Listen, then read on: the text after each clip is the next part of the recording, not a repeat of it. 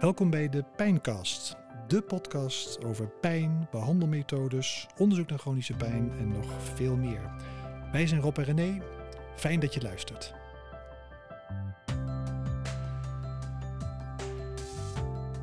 Oké, welkom beste luisteraars alweer uh, bij de achtste, achtste Pijncast. In deze serie uh, Pijncast met Rob en René. En uh, het is heel snel gegaan, realiseren we. We hebben... Ja in deze pijnkastserie uh, ja, verschillende onderwerpen uh, aan, uh, aan de orde laten komen. Over pijn, de ingewikkeldheid van pijn, pijneducatie, de analyse en ook de behandeling van pijn binnen de revalidatie. het huisartsenperspectief, het patiëntperspectief vanuit een heel persoonlijk verhaal. En we dachten, ja, hoe gaan we eindigen? Nou, we gaan denk ik heel mooi eindigen samen met, met Koert Hommel. Welkom, Koert. Dankjewel. Uh, jij vertegenwoordigt de Landelijke Pijnorganisatie. En uh, ja, we hebben heel veel uh, positieve reacties gehad. Maar ik moet zeggen, jouw reacties en ook hoe je de pijnkast hebt opgepakt, was hartstikke mooi om te zien. Je hebt het ook veel gedeeld. Um, en wat mij ook duidelijk werd aan jouw reacties, en daar gaan we natuurlijk over deze, gaan we nu ook over spreken, is dat wat we hebben verteld, dat het erg aansloot ook bij ja, waar jullie als pijnorganisatie voor staan. Dus het leek me hartstikke mooi uh, om, uh, om deze serie te eindigen. Nogmaals welkom. Dankjewel. En uh, ja, misschien toch om te beginnen, Koert. ja, hoe ben je sowieso in de pijnorganisatie, de landelijke pijnorganisatie, gerold? Wat, wat, is je, wat is je achtergrond, wat is je verhaal? Ik vermoed dat het met pijn te maken heeft. Ja, helaas, helaas wel. Ehm, maar tegenwoordig zeg ik ook gelukkig. Um, want inderdaad, ik, uh, ik ben al lang uh, rugpatiënt. Uh, al sinds dat ik student was, 18, 19 jaar. Um, aantal keer behandeld, aantal keer geopereerd. ongelooflijk veel behandelingen uitgeprobeerd om ja, een oplossing voor die rugpijn te vinden. die bleek er uiteindelijk niet te zijn. Uh, en sinds ja, de laatste tien jaar um, is er meer sprake van chronische pijn. Dus die rugpijn en de rugklachten is eigenlijk naar de achtergrond gezakt. Er is gesleuteld aan mijn rug wat te sleutelen was. Ja. Maar er is pijn overgebleven. Um, dat heb ik heel lang niet begrepen. Van ja, wat is dat dan precies? pijn en chronische pijn. En waarom lukt het mij niet om van die pijn af te komen? waarom is er niet de totaaloplossing? Um, en ja, daar, daar liep ik op vast. Um, uiteindelijk blijft chronische pijn over. En uh, ben ik daar um, ingedoken, veel over gaan lezen. Uh, veel versnipperde informatie overal op internet en in boeken en ja. tijdschriften uh, aan het verzamelen gegaan. Om maar te begrijpen hoe dat pijnproces eigenlijk werkt. Ja. Um, en ik merkte dat het een enorme zoektocht is voor, voor mij. En ja, denk ik ook voor heel veel andere mensen ja. uh, om pijn te begrijpen. En dat was eigenlijk de basis voor de Landelijke Pijnorganisatie. Hoe kunnen we mensen helpen om die zoektocht um, ja, wat makkelijker door te gaan. En ook wat, uh, wat makkelijker aan informatie te komen. Maar vooral ook lotgenoten te vinden. Ja, en um, ik meen, uh, ja, een jaar of twee geleden zijn jullie actief geworden. Volgens mij zijn jullie vorig jaar echt dan gestart met nou, de LPO, noemen we het dan. De LPO, ja. En ik denk dat je ook een aantal mensen bent tegengekomen die met dezelfde problematiek liepen. En uh, nou, vertel eens, hoe, hoe, gaat het op dit moment? Je hebt, een, je hebt een website, maar hij is ook voor een gedeelte onder construction, zeg maar. Zeker. Wat is, wat is je doel met, uh, met de Landelijke Pijnorganisatie? Ja, wij, waar wij met de LPO naartoe werken is eigenlijk het realiseren van een online platform. Dat noemen we Pijnstad. waarin je als pijnpatiënt op een hele makkelijke, laagdrempelige manier informatie gaat vinden over pijn, over hoe pijn werkt. Uh, welke behandelingen voor pijn er eigenlijk allemaal zijn. Want uh, dat is nogal wat. Het is een enorm breed scala waar je uit kan kiezen. Ja. Maar ja, wat past nou bij jou en bij jouw type klachten? Uh, en hoe kom je daar eigenlijk achter wat bij je past? heel veel vragen had ik daar zelf over. En denk ik hebben heel veel andere pijnpatiënten ook. Ehm, en hoe kan je elkaar wat makkelijker vinden? Want ehm, het heeft bij mij een, toch wel een tijd geduurd voordat ik überhaupt andere mensen vond die dezelfde soort pijnklachten hadden. Ehm, heel naïef. Maar in het begin dacht ik dat ik de enige in Nederland was met dit soort pijnen. Uh, nou, uh, wist ik veel, maar er zijn dus uh, honderdduizenden mensen die uh, een vorm van chronische pijn hebben. Ja. Zo niet een paar miljoen. Ja, ja. ja en dat, dat vormde eigenlijk de basis voor, voor Pijnstad. Hoe kunnen we dat makkelijker maken en dat mensen elkaar ook wat makkelijker vinden? En wat, wat ik ook gemerkt heb, is dat ehm, je eigenlijk als pijnpatiënt zelf ook heel veel kunt doen om ehm, wat makkelijker of wat beter te leren omgaan met chronische pijn. Uh, dus je hebt ook een, deels een eigen rol in de behandeling van die pijn. Uh, en waar ik in het begin meer keek naar alle behandelaars. Uh, van nou, kom maar op met die oplossing. heb ik geleerd dat ik ook naar mezelf moet kijken.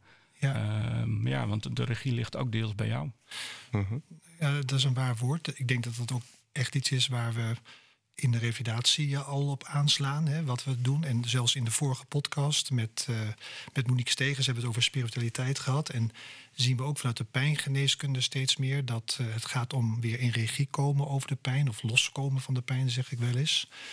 En daar zie je een beetje een transitie, want ja, hè, de pijn wordt met, vaak toch nog heel medisch behandeld. Hè, van goh, ik heb pijn, dok, kun je er wat aan doen?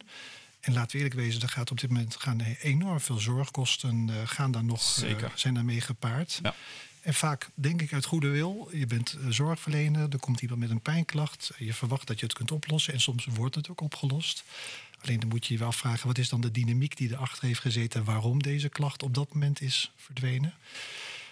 Dus het is wel mooi dat je zegt, je hebt, je hebt eigenlijk zelf, misschien door schade en schande zelf uiteindelijk gezien van hé, hey, ik moet ook bij mezelf kijken? Of is dat dan toch door een zorgverlener op een bepaald moment uh, aan, aangedragen bij jou? Nou, dat is denk ik ook een proces waar je deels ook doorheen moet. Uh, ik heb wel eens proberen te becijferen uh, hoeveel het nou gekost heeft, wat er allemaal aan mijn lijf gesleuteld is. Aan, aan behandelingen, aan operaties, aan neurostimulatoren. Ehm, ik heb de hele riedel wel doorlopen. Uh, ja, ik ben bij een ton uh, aan euro's ben ik gestopt met tellen. Uh, ja. Want die impact is gigantisch. Maar ook dus de, de, de gevolgen voor hè, de zorgverzekeraars en, en de kosten die daar liggen. Uiteindelijk hè, ben ik arbeidsongeschikt geraakt. Terwijl ik iemand was die altijd heel graag werkte.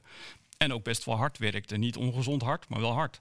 Ja. Ehm, maar ik ben ja, dus uitgevallen in dat proces. En dat heeft ook een impact op mijn werkgever gehad. Ja. Uh, die mij uh, kwijtraakte, uh, wat ook niet prettig was. Um, dus die gevolgen van pijn die zijn veel breder ja. dan we met z'n allen eigenlijk op dit moment doorhebben. Die individuele, maar ook de economische en de maatschappelijke impact, die is, die is gigantisch. Maar laten we dat ook eens wat meer uh, benoemen. En uh, ja, ik compliment aan jullie ook uh, voor deze pijncast. Want eindelijk worden een aantal thema's rondom chronische pijn eindelijk eens een keer benoemd. en ik denk dat het daar ho hoog tijd voor is. En ja, daar hopen we met, met de LPO ook aan mee te helpen. Want ehm, jouw, jouw we praten over hoeveel jaren? Want de mensen kunnen niet zien hoe oud je bent. Nee, klopt. Ik ben uh, 48, dus ik ben uh, ja, zo'n 30 jaar 30 met mijn rug bezig. En, ja. uh, en 10, 12 jaar met pijn. Ja. En als je nu die informatie allemaal wat eerder bij elkaar had gehad... was jouw traject, had het er dan anders uitgezien? Ja, ten eerste had ik denk ik sneller begrepen hoe het uh, proces rondom pijn werkt. Mm -hmm. uh, er is natuurlijk ook deels voortschrijdend inzicht, ook in de, in de medische sector. Hoe, hoe, moeten we nu naar pijn kijken? Um, nou, dat is misschien heel flauw, maar met de kennis van nu, die ik nu heb, als ik dan terugkijk op mijn eigen uh, behandelproces, had ik toch zelf samen met behandelaren ook wat andere keuzes gemaakt, denk ik. Uh, en dat is heel ingrijpend, want er is behoorlijk gesleuteld aan mijn uh, rug en lijf. Uh, ja, wat misschien toch anders verlopen was als ik meer kennis had gehad of als ik geleerd had om betere vragen te stellen aan bijvoorbeeld behandelaren. Ja. En ik weet nog heel goed dat een aantal jaren terug uh, zei iemand tegen mij, dat was een psycholoog, die zei: Ja, maar Koert, je bent zo aan het vechten uh, tegen je pijn. Um, omarm je pijn nou eens een keer. En ik keek hem aan uh, met glazige ogen volgens mij van ja, maar omarmen, hoe moet ik dat in godsnaam doen? help me dan, want ik heb geen flauw idee hoe dat moet. En ik denk dat daar ook een deel van het probleem zit. Ehm, maar het is ook ja, het is een fase en een, het zijn fases en het is een proces. Dus um, je kunt dat wel heel vroeg tegen iemand zeggen, maar dan komt ja, de boodschap ook niet altijd aan. Kan ook dat het te vroeg is. Ja, klopt. En het verzet groter wordt. Ja, precies. Maar dat is het mooie eraan dat je inderdaad die kennis hè, bij elkaar brengt en ook mensen in de gelegenheid gaat stellen om ja, te horen van anderen en ook te leren hopelijk van hoe kan het ook anders of wellicht anders. Klopt. Ja, En, en, liefst samen met uh, de professionals in de pijnwereld. Want hè, het is een initiatief wat vanuit patiënten ontstaan is. Maar wij geloven in de kracht van samenwerking. En we hebben denk ik de pijnprofessional ook heel hard nodig om dit platform tot een uh, echt succes te maken. Wat we hopen is dat um, um, Pijnstad uiteindelijk iets wordt waar ook uh, huisartsen uh, behoefte aan hebben. Hè. Een vangnet vormen. Ik weet nog heel goed dat uh, Bart Morlion, uh, professor in, in België, tegen ons zei van oké, als jullie pijnstad willen ontwikkelen, zorg ervoor dat je een vangnet creëert voor, tijdens en na behandelingen. Want dan hebben de patiënten ook een plek waar ze naar terug kunnen op het moment dat ze even weer uit die behandeling zijn. En dat hebben we heel goed in onze oren geknoopt. Maar in die zin kunnen we dus ook heel goed samenwerken met, ja. met behandelaren in de pijnwereld. Kun je misschien wat meer vertellen over wat die pijnstad nu eigenlijk uh, inhoudt? Want uh, onze luisteraars zullen dat nog niet weten. Klopt, en pijnstad is er ook nog niet. Ehm, dus op dit moment hebben we een, een website van de LPO, landelijke pijnorganisatie.nl, ehm, waar we eigenlijk inzicht geven in ons bouwproces. Um, maar het is dus nog geen patiëntenwebsite waar je daadwerkelijk al pijnstad vindt. Waar we naartoe gaan werken is een, een letterlijke stad online.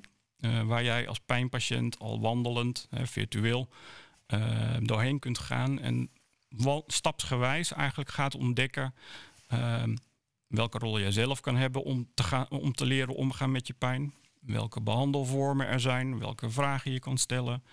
Uh, hoe je andere mensen met pijn vindt. Ehm, en ook hè, je kunt zoeken naar mensen die op een gelijke manier naar pijn kijken. Of misschien juist wel dat je kan leren van, van pijnpatiënten die al wat verder zijn in het proces. Uh, en waar je, ja, ik zei het er straks al, waar je heel veel tools gaat vinden ook om zelf met die pijn aan de slag te gaan. Uh, dus uh, self-management. Dat zijn eigenlijk de vier wijken die we op dit moment in Pijnstad zien. Maar tegelijkertijd, ja, het is een concept. Het is ook niet in beton gegoten. Um, dus uh, we, horen graag input van, uh, van iedereen die met chronische pijn te maken heeft. Van hey, mis je nog dingen in, op dit moment in Pijnstad? Mensen kunnen kijken op pijnstad.nl. Uh, en daar vind je onder andere tekeningen van de stad en een uitwerking van, van de wijken. Maar misschien zien we nog iets over het hoofd. Dus die input ja, horen we ook weer graag. Een van de dingen die jullie ook willen doen, hè, is dat je toch een, er komt heel veel informatie is beschikbaar. Er zit ook heel veel kaf tussen het koren. En um, Zeker. jullie hebben daar ook ideeën over, hè, hoe je dat zou vorm willen geven. En ja. waar jullie ook mensen voor nodig hebben. Ja, zeker. Um, ten eerste, ja, wat je zegt, er is al heel veel informatie. Dus uh, we kunnen wel weer het wiel opnieuw gaan uitvinden, maar laten we dat vooral niet doen. Um, dus wat goed is, willen we ook gaan uitlichten. Er zijn al zoveel filmpjes gemaakt over chronische pijn. Er zijn al goede artikelen geschreven, checklists gemaakt. Maar ze zijn nog lastig vindbaar. Uh, dus dat brengen we terug naar één plek.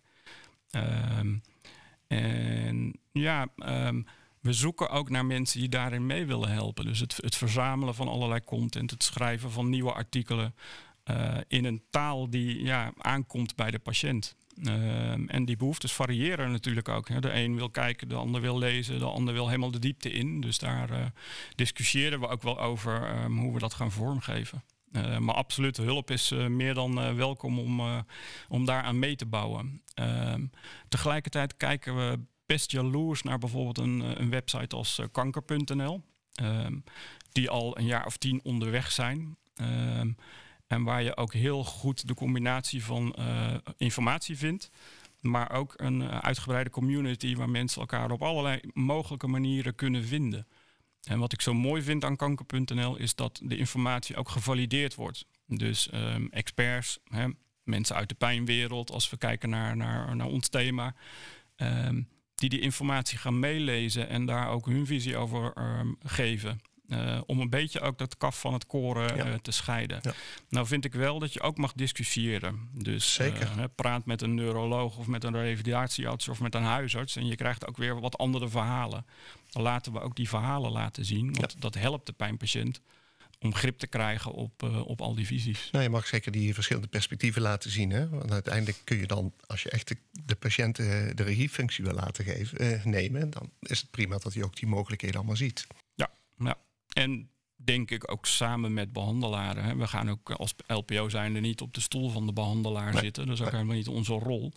Ehm, ik denk dat het goed is dat als mensen wat meer bagage meenemen, wat meer kennis hebben over hoe pijn werkt, dat je daardoor ook een beter gesprek krijgt met je behandelaar. En dan kan je nog steeds samen beslissen uh, of je een behandeling wel of niet gaat doen, of het nu tijd is of misschien later pas tijd is. Um, het is ook voor een pijnpatiënt best moeilijk om dat zelf goed in te schatten. Uh, want soms mis je ook weer die kennis of juist die, die praktijkervaring. Dus uh, maar doe het vooral samen.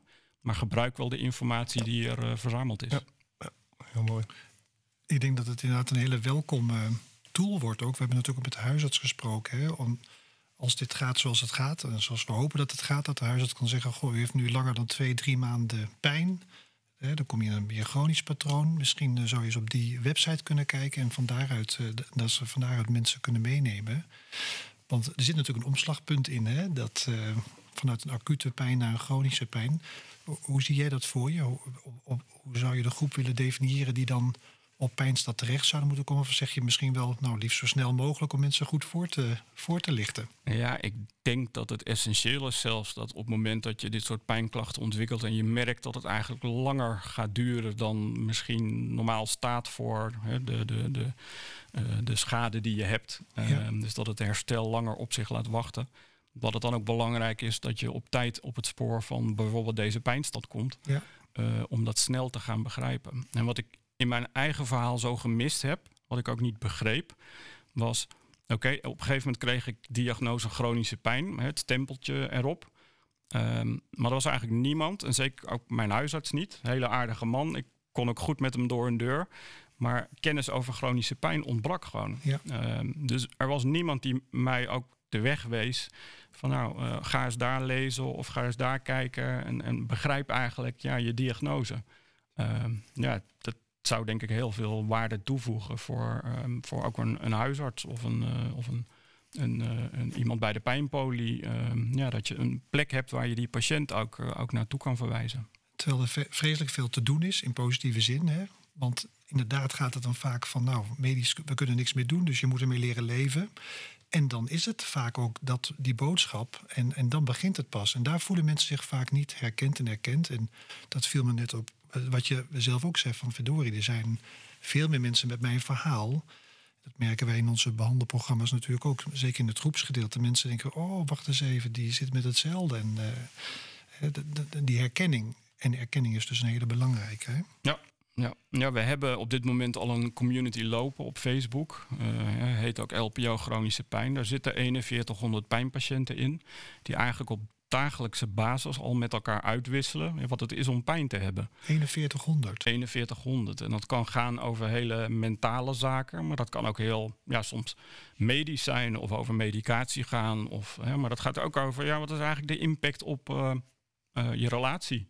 als je chronische pijn hebt. Ja. Uh, hoe ga je met je kinderen in gesprek?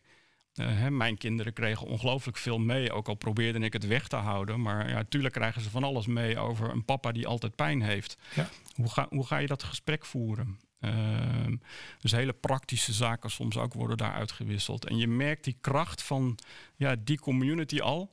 Uh, dat mensen die nog wat, wat vroeger in dit proces staan en wel lid worden, Um, dat ze daar al toch heel veel tips uithalen. Uh, en het geeft veel onderlinge herkenning. Tegelijkertijd is het denk ik nog maar het puntje van de ijsberg. 4100 pijnpatiënten ja. klinkt veel, maar ja, uh, er zijn er, uh, wat is het, 2,5, 3 miljoen in Nederland. Ja. 1 op de 5. Um, dus we hebben ook ja. nog een, een, weg te gaan. Dat is een boeiend wat je zegt net hè, over die herkenning. We hebben ooit een kader van een promotietraject dat ik begeleide. Uh, het ging over uh, hoe kunnen we de nazorg van mensen verbeteren die een pijnrevalidatietraject hebben gevolgd.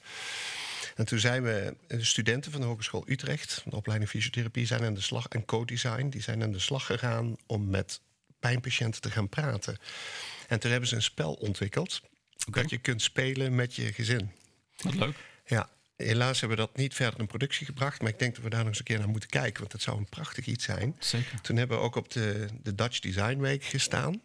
En daar zijn dus echt een aantal uh, mensen langsgekomen. Die bleken chronisch pijn te hebben. Die zijn extra naar huis gegaan. Hebben hun familie opgehaald om daar het spel te komen spelen. Geweldig. Gewoon om op die manier ook ja, eindelijk hadden ze iets om dingen te kunnen delen. Ja. want je houdt ook heel veel bij je waarschijnlijk. Klopt. Je wilt, wat je net ook zegt, je wil het eigenlijk niet laten zien aan je kinderen. Ja, er is ook heel, heel veel onbegrip in je omgeving, omdat hè, chronische pijn ja, kanker weet iedereen en iedereen, iedereen kent wel iemand die eh, kanker heeft. Uh, maar chronische pijn is nog iets heel vaags. Dus ik heb in mijn eigen omgeving ook behoorlijk wat onbegrip gevoeld.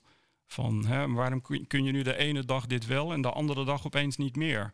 Waarom, Koert, kan jij wel muziek maken in de bands waar je in speelt en heel vrolijk optreden voor een paar honderd man, het super naar je zin hebben? En waarom kun je dan andere dingen weer niet? Alleen wat mensen vaak niet zien, is dat ik natuurlijk voorafgaand aan zo'n optreden en een aantal dagen na afloop, uh, kun je mij bij elkaar vegen uh, ja. en moet ik echt weer even bijkomen. Dus ja. er is, ja, pijn is ook onzichtbaar.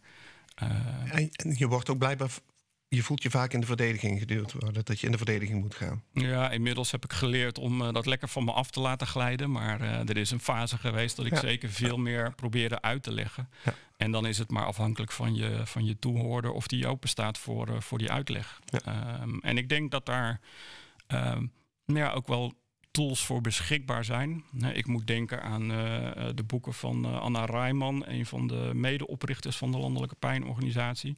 En wat zij bijvoorbeeld heel mooi gedaan heeft, is een, een voorbeeldbrief heeft ze gemaakt. Uh, die jij aan jouw omgeving kunt toesturen. Oh ja.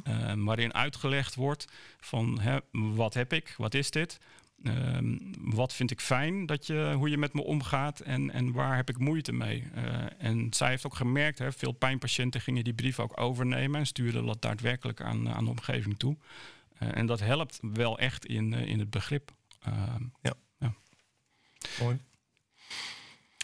Maar jullie, jullie organisatie, hè, die wil vooral veel delen, dat mensen bij elkaar komen en ook die eigen regie kunnen nemen. Willen jullie ook nog iets richting politiek gaan doen?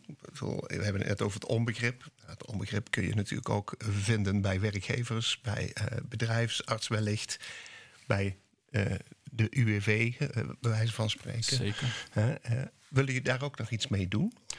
Absoluut. Ik denk ook dat daar heel veel te winnen is. Als het gaat om efficiënt besteden van zorggelden. Als het gaat om uh, kosten die nu gemaakt worden voor arbeidsongeschiktheid, uitkeringen. Uh, ik denk dat daar heel veel te winnen valt voor onze Nederlandse maatschappij. maar dan moet het wel heel duidelijk zijn dat chronische pijn ook echt een groot probleem is met een enorme impact. En dat wordt op dit moment door de politiek en door zorgverzekeraars denk ik nog niet zo gevoeld. We hebben natuurlijk een fantastische organisatie in Nederland al, hè, de Nederlandse Pijnalliantie. En uh, nou, Monique is, uh, is ook langs geweest in deze pijncast. En zij zijn al actief op het gebied van lobby naar politiek en zorgverzekeraars. Maar ik denk, we hebben ook wel eens met Pain gesproken. En, en wat zij ook aangaven was, ja, we missen daarin eigenlijk nog het verhaal van de pijnpatiënt. Ehm, en op het moment dat je het tastbaar maakt en dat je gaat inzoomen op één leven van één pijnpatiënt, dan komt die boodschap vele malen harder aan dan dat je het over een algemeen maatschappelijk probleem gaat hebben. Ja. En ik denk dat we daar ook als LPO weer waarde kunnen toevoegen. Ja. Inzoomen op die ervaringen van, die mensen, van mensen met pijn. Fijn. En, en uh, de funding bijvoorbeeld, hè, het is toch vrijwilligerswerk, vermoed ik, denk ik. Of, of kunnen jullie toch ook bepaalde bronnen uh, aanboren? Of hoe gaat dat in zijn werk? Goeie vraag. Daar, zijn we ook, daar zitten we middenin in dat proces. Uh, op dit moment is het vrijwilligerswerk. Ik ben ook arbeidsongeschikt, dus ik moet ook heel erg oppassen voor mijn balans en, en het aantal uren dat ik wel of niet kan besteden. Ja.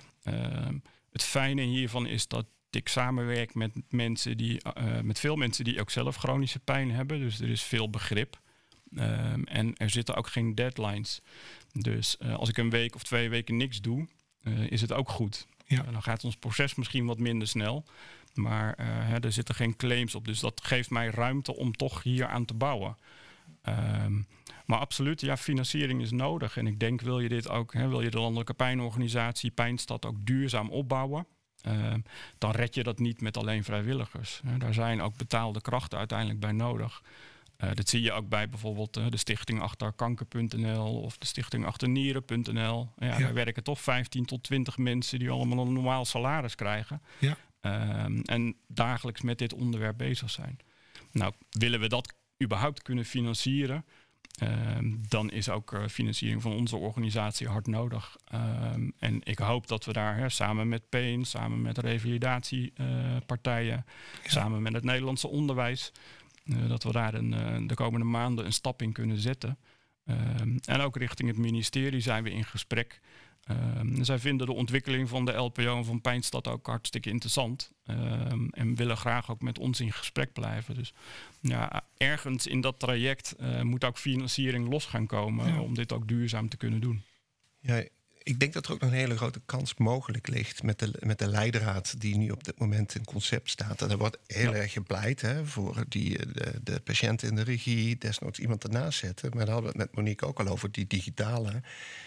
Ja, het hoeft niet eens een lokale te zijn. Het kan ook die digitale zijn. En dat zou ook natuurlijk misschien wel een product kunnen zijn dat ook, maar misschien ook zorgverzekeraars in kunnen gaan investeren. Want dat kan wel een hele hoop maatschappelijk en zeker ook zorgkosten gaan schelen. Klopt, ja, volledig mee eens. Ja, en ik weet niet of jullie dat in, uh, in jullie praktijk uh, hebben ervaren, maar wat ik, hè, ik heb zelf ook een multidisciplinair revalidatietraject gevolgd. Um, hartstikke fijn, vier maanden heel intensief uh, bezig geweest. Um, uiteindelijk um, werd er een punt gezet achter dat traject. je gaat naar huis uh, in de eerste weken zit het allemaal nog heel erg in je hoofd en ben je daar nog volop ook bewust van en mee bezig. Maar dat effect dat zakt weg. Er was geen follow-up. Ja, nog één keer een soort evaluatiebijeenkomst, maar er was geen follow-up. Dus als pijnpatiënt val je dan toch eigenlijk weer een beetje in een gat. Hoe fijn zou het zijn als je um, na zo'n revalidatie of na een bepaalde andere behandeling uh, dat je toch terecht kan op een plek waar mensen je begrijpen en waar je ook weer gestimuleerd wordt om, om hè, met dat zelfmanagement ook aan de slag te gaan. Dus ik denk, denk ja, dat we daar samen ook, uh, ook veel kunnen winnen. Uh, ja, er zijn allerlei ideeën over, ook dingen al ontwikkeld. wij we zitten met dat probleem ook, dat je soms hebt dat je iemand, weet je van, nou, die gaat het wel lastig krijgen. Ja. Dan laat je wel een lijntje open, maar het is geen formele lijn. Ze kunnen er wel bellen, maar dan moet je wel wel gaan zoeken hoe kunnen we dit financieren. Ja. Het enige wat we nog kunnen is dat er nog iemand uh, bij de revalidatiearts nog een keertje terug kan komen. Maar dat is soms ook niet genoeg. Klopt. Ja, we hebben ook zo geïnvesteerd in, in uh, het terugvalpreventieplan dat je opstelt samen ook nog een, een, een ander boekwerk dat we een app hebben omgevormd. Maar ja, dat moet doorontwikkeld worden. Dus daar zijn wel allerlei ideeën over. Het ja. positieve nieuws is wel, als je kijkt naar lange termijn resultaten van meerdere studies nu, dat die terugval wel meevalt. Ja. Maar dat doet ja. niet af dat je toch dat gemis kunt hebben en toch af en toe behoefte hebt uh, aan. En sommige mensen hebben ook echt behandeling daar nog bij nodig. En anderen meer eventjes dat moment van reflectie. Klopt. Is zo belangrijk. ja. Ja. En, en, wat wij dan graag doen is, hè, als er uh, instrumenten al ontwikkeld zijn, uh, om die dan weer vervolgens uit te lichten in, uh, ja. in Pijnstad. Want ja. laten we dat wiel inderdaad niet uitvinden. Als er iets al beschikbaar is, dan gaan, we dat, gaan we dat laten zien. Ja. dus ja, hartstikke goed. Maar ik, je hebt net heel veel nou, stakeholders genoemd. Ik hoorde je ook even onderwijs. heel interessant, denk ik. Hè? Want er zitten zoveel aspecten aan pijn.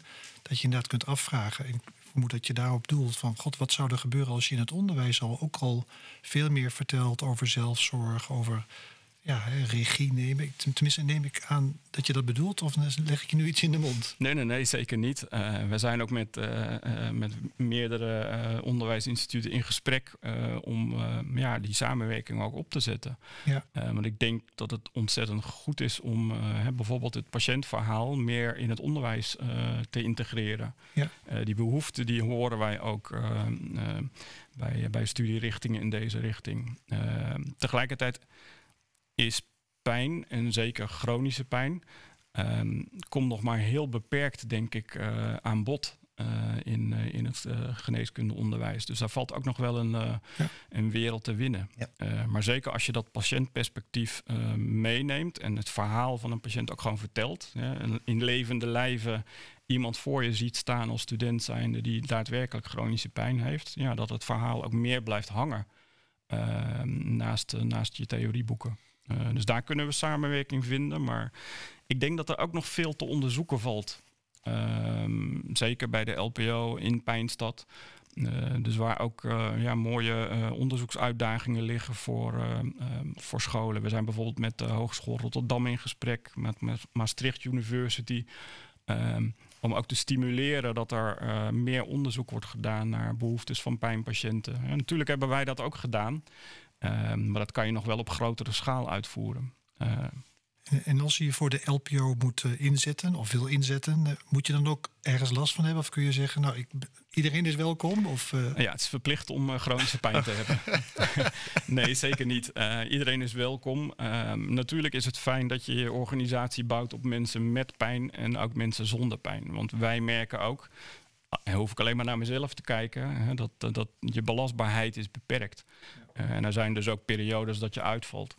Uh, dus hoe fijn is het om ook mensen in je organisatie te hebben die geen pijn hebben en uh, ja, gewoon lekker door kunnen, kunnen werken. Uh, we hebben ook ICT'ers, we hebben marketingmensen, we hebben vrijwilligerscoördinatoren. dus volop kansen om lekker bij te dragen en mee te bouwen, graag zelfs. Ja. En wat ik belangrijk vind is dat um, ja, ook de jongere generatie hier aan meedoet. Vrijwilligerswerk is natuurlijk veranderd uh, in de loop der tijd. Uh, de tijd dat vrijwilligers uh, lifetime bij je organisatie zitten, die is voorbij. Maar we merken dat jongeren het heel leuk vinden om bijvoorbeeld kortere klussen op te pakken of specifieke onderzoeksvragen te beantwoorden. En het lukt ons ook om jongeren te betrekken. En daar zijn we, zijn we best trots op. Ja, volgens mij ehm, doe je het hartstikke goed. En, en over jongeren gesproken, wij zien inderdaad, of helaas, Veel, veel jongeren op dit moment hoor. Ook met de diagnose fibromyalgie of chronische pijn. Waarin je dan ook wel de dynamiek ziet waarin dit soort klachten zijn ontstaan. Hè, in dat biopsychosociale perspectief. Dus hoe eerder ook die boodschap wordt aangedragen aan mensen die in zo'n aan het begin van zo'n nou, pijncarrière bijna staan, hoe eerder je ook nou, de patronen kunt bijbuigen. Tenminste, ik neem ook aan dat dat echt jullie doel is op deze manier. Zeker, zeker. En, uh, en mensen dus ook wat eerder te beïnvloeden en wat meer kennis uh, te geven in een eerdere fase. Uh, daarom vond ik het ook zo mooi dat jullie in een eerdere pijncast ook aandacht gaven aan dat biopsychosociale model. Ehm, dat is een van de pijlers die ook onder de LPO staat, naast positieve gezondheid. Hè, Dus invloed op je, op je leefstijl, op de manier waarop jij met een aantal zaken omgaat. Maar uh, zeker naast de medische blik uh, ook de, de, de mentale blik en de sociale blik. En dat betekent niet dat iedere pijnpatiënt uh, gek is of dat het allemaal maar tussen je oren zit. maar er kunnen allerlei omstandigheden zijn die van invloed zijn op jouw chronische pijn. Ja. En waardoor pijn ook, ook zich ontwikkelt. Ehm, dus ja, het heel goed om daar, daar breder naar te kijken. En ik heb het zelf ervaren. Ehm, en dat, dat helpt ook echt. Ehm, wat ik heel mooi vond om te zien was dat ehm, voor mij juist um, enerzijds muziek maken uh, als afleidend instrument, ja. maar anderzijds het vinden van nieuwe zingeving, uh, dat dat ook een manier voor mij was om ja, de pijn toch wat meer op afstand te kunnen zetten. Ja. Ja. dus ook het doen van vrijwilligerswerk kan weer helpen om met je pijn om te gaan.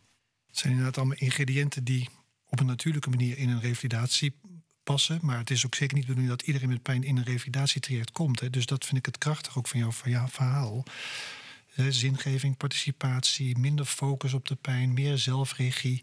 Hè, dat zijn allemaal voorwaarden die, denk ik, ook vanuit jullie eh, organisatie heel erg naar voren worden gebracht. En dat je het niet laat verleiden tot toch weer een hele medische kijk van hé, hey, we hebben een pijnprobleem, hoe gaan we dat oplossen? Dat is het verfrissende, vind ik, van de, van jullie boodschap. Ja, Vergeet ook uh, de eenzaamheid niet. Hè. Onder, er is onderzoek gedaan, maar onder pijnpatiënten uh, is heel veel uh, eenzaamheid. Omdat je kringetje kleiner wordt, omdat je geen werk meer hebt.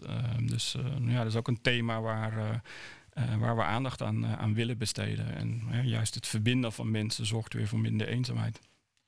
Nou, veel gezegd volgens mij ook weer. We, hebben, we zijn alweer een half uur aan de praat. Ik heb het gevoel dat we nog langer door zouden kunnen gaan. Zeker. Maar Nee, ik denk, uh, ja, volgens mij hebben we heel veel besproken. Of heb je nog een, een laatste iets? Of Rob nog? Uh, Nee, ik denk dat dit gewoon een hele mooie afsluiting is. Je kunt zo goed, uh, wordt het samengevat. Ik denk dat dit uh, heel mooi is. En uh, er ligt een grote uitdaging voor ons allemaal. En hopelijk zijn, worden mensen geenthousiasmeerd om nu ook verder georganiseerd te raken.